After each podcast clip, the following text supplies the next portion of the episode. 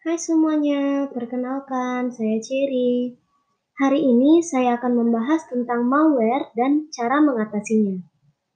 Pada zaman sekarang ini, hampir semua aktivitas yang kita lakukan sehari-hari tidak terlepas dari internet. Jaringan internet mudah sekali untuk diakses oleh semua orang. Sebagai pengguna internet, kita sering menggunakan situs web. Kita harus berhati-hati ketika sedang menggunakan internet kita harus waspada terhadap malware yang berbahaya. Apakah malware itu? Malware adalah kumpulan dari beberapa perangkat lunak yang dibuat tujuannya untuk merusak perangkat dan mencuri data dan menyebabkan kerusakan. Contoh yang paling populer adalah virus, trojan, spyware, dan lain-lain. Pada dasarnya, malware adalah sebuah program software namun berbeda dengan program komputer pada umumnya. Program ini dibuat untuk tujuan yang jahat.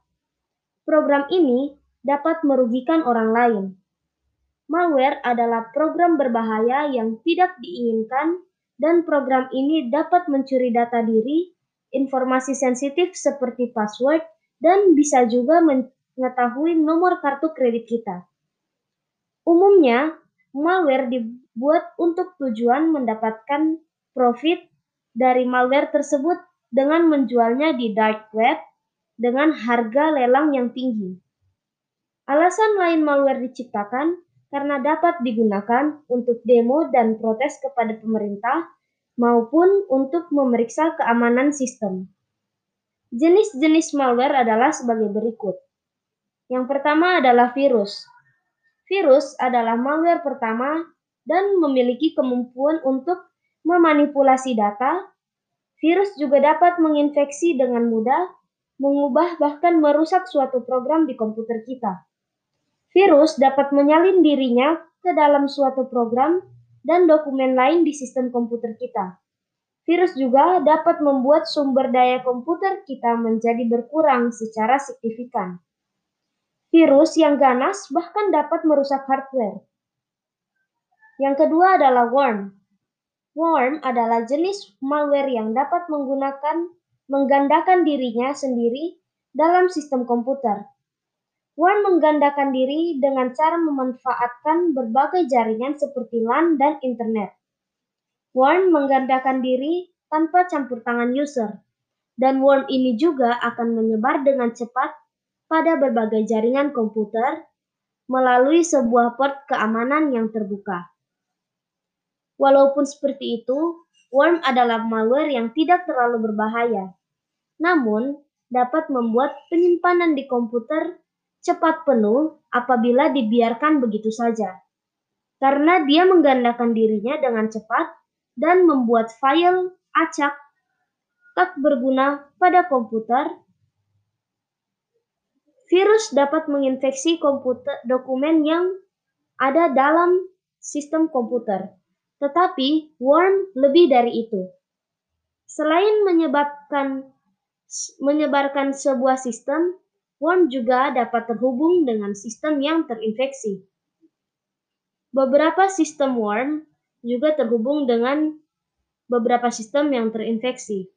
Beberapa worm diciptakan dapat mencakup kode-kode virus yang dapat merusak berkas, mencuri dokumen, email, dan membuat dokumen yang terinfeksi menjadi tidak berguna. Selanjutnya adalah spyware. Spyware diambil dari kata spy atau artinya mata-mata. Spyware bertindak seperti mata-mata atau penyusup ke dalam perangkat komputer untuk mengetahui kebiasaan kita di komputer dan mencuri informasi penting dan data penggunaan internet kita. Spyware juga mengumpulkan informasi lain dan mengirimkannya kepada pihak lain seperti perusahaan atau periklanan. Siapakah yang memasang spyware ini? Spyware dipasang oleh pihak yang memasang ads atau iklan. Tujuan pembentukannya adalah untuk melacak dan menjual kepada pengguna internet, menangkap informasi rekening bank, kartu kredit, dan identitas pribadi kita. Spyware dapat memonitor aktivitas internet yang kita lakukan, melacak informasi login, dan bahkan password atau kata sandi yang kita masukkan. Beberapa jenis spyware dapat menginstal software tambahan dan mengubah pengaturan pada perangkat yang kita gunakan. Jadi, penting untuk membuat password dan update perangkat yang kita gunakan. Yang selanjutnya Trojan. Trojan biasanya menyamar sebagai software yang terlihat sah dan memfasilitasi program lain seperti virus, spyware, untuk masuk ke dalam komputer kita. Contohnya seperti eh, contoh mudahnya Trojan terlihat seperti Java atau Flash Player saat di-download.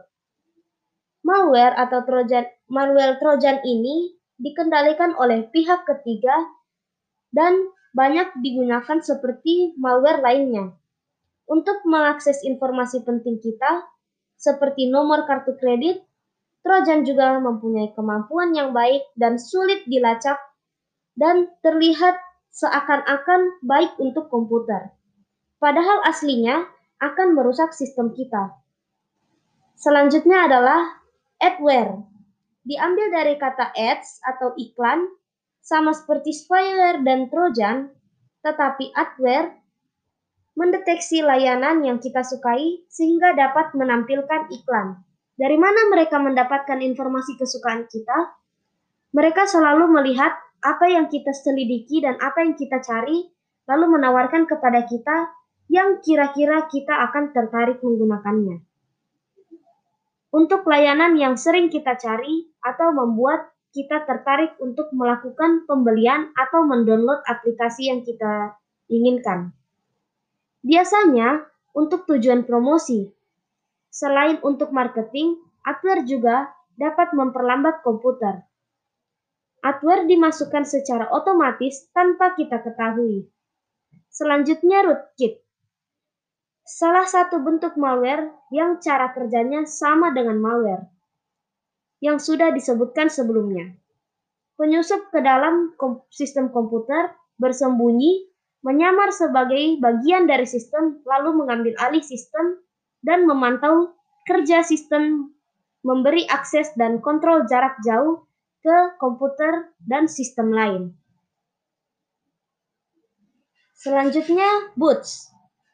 Malware yang bekerja secara otomatis dengan berinteraksi pada jaringan lain. Boots memerlukan bantuan atau perintah dan arahan dari pembuat boots tersebut agar dapat melakukan tugas yang diperintahkan kepadanya.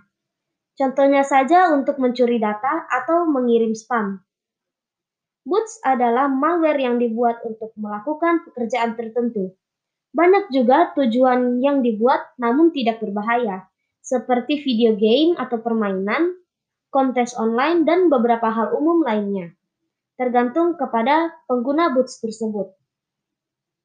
Bagaimana cara kita menghindari semua serangan dari malware ini? Yang pertama, kita harus mengecek program yang kita tidak kenali, lalu hapus. Yang kedua, gunakan Windows Defender. Program ini adalah bawaan dari Windows dan bisa digunakan untuk menghapus malware di komputer kita bila kita belum bisa memiliki antivirus atau kita tidak bisa menginstal antivirus. Menggunakan Windows Defender sangat direkomendasikan karena scanning dilakukan dengan cepat, mudah, dan dilakukan sebelum kita memasuki Windows. Selanjutnya, perbaharuilah sistem operasi. Jangan menunda ataupun mengabaikan pembaruan sistem. Pembaruan sistem dapat memperbaiki sistem keamanan. Selanjutnya, reset sistem atau restore. Selain Windows Defender, Windows juga memiliki fitur sistem restore yang berguna jika memiliki masalah di sistem komputer. Dengan sistem restore ini, kita akan dengan mudah mengembalikan sistem komputer kita seperti awal lagi. Selanjutnya, hapus temporary file. Temporary file seperti cache and cookies bisa menjadi salah satu tempat pelaku kejahatan untuk mendatangkan malware dan untuk mencegah hal itu, maka kita harus membersihkan semua temporary file di Windows dan juga browser termasuk recycle bin yang kita gunakan, hapus semua histori dan data di browser agar tidak mendatangkan kejadian yang tidak diinginkan.